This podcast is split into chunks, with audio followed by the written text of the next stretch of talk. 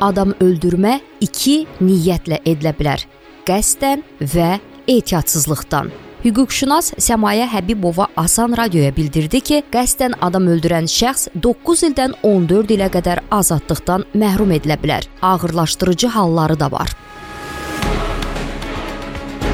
Bir qrup şəxs, qabaqcadan əlbir olan bir qrup şəxs mütəşəkkil dəstə və ya cinayətkar birlik tərəfindən adam öldürmə, xuliqanlıq niyyəti ilə adam öldürmə, zərər çəkmiş şəxsin xidməti vəzifəsini və ya ictimai borcunu yerinə yetirməsi ilə əlaqədar onun özünü və ya yaxın qohumlarını öldürmə, xüsusi amansızlıqla və ya ümumi təhlükəli üsulla adam öldürmə, tamah məqsədi ilə və ya sifarişlə, habelə zərər çəkmiş şəxsin orqanlarından və ya toxmalarından istifadə etmək məqsədi ilə adam öldürmə, başqa cinayəti gizlətmə və ya onun törədilməsini yüngülləşdirmə məqsədi ilə, ha belə zorlama və ya seksual xarakterli başqa zorakı hərəkətlərlə əlaqədar adam öldürmə, 2 və ya daha çox şəxsi öldürmə, Təqsirkar şəxs üçün aşkar surətdə hamilə vəziyyətində olan qadını öldürmə, habelə adam oğurluğu və ya girov götürülməsi ilə bağlı adam öldürmə və təkrar adam öldürmə. Sadalanan hallar baş veribsə, cinayətkar 14 ildən 20 ilə qədər və ya ömürlük azadlıqdan məhrum edilə bilər. Cəzanı yüngülləşdirən hallara gəldikdə isə buna aiddir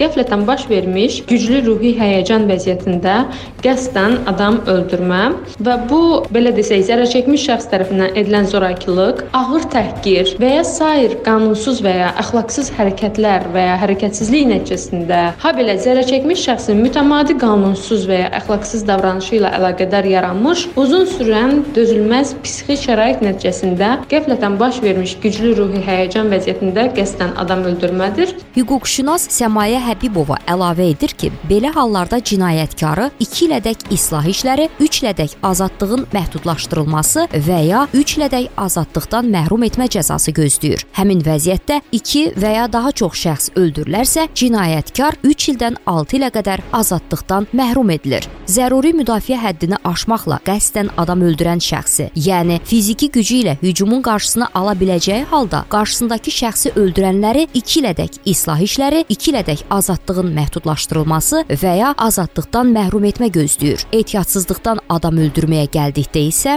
Cinayət Məcəlləsinə əsasən bu halda 2 ilədək müddətə islah işləri və ya 3 ilədək müddətə azadlığın məhdudlaşdırılması və ya 3 ilədək müddətə azadlıqdan məhrum etmə ilə cəzalandırıla bilər. Ehtiyatsızlıqdan 2 və ya daha çox adam öldürülərsə, şəxs 2 ildən 6 ilədək azadlıqdan məhrum edilir.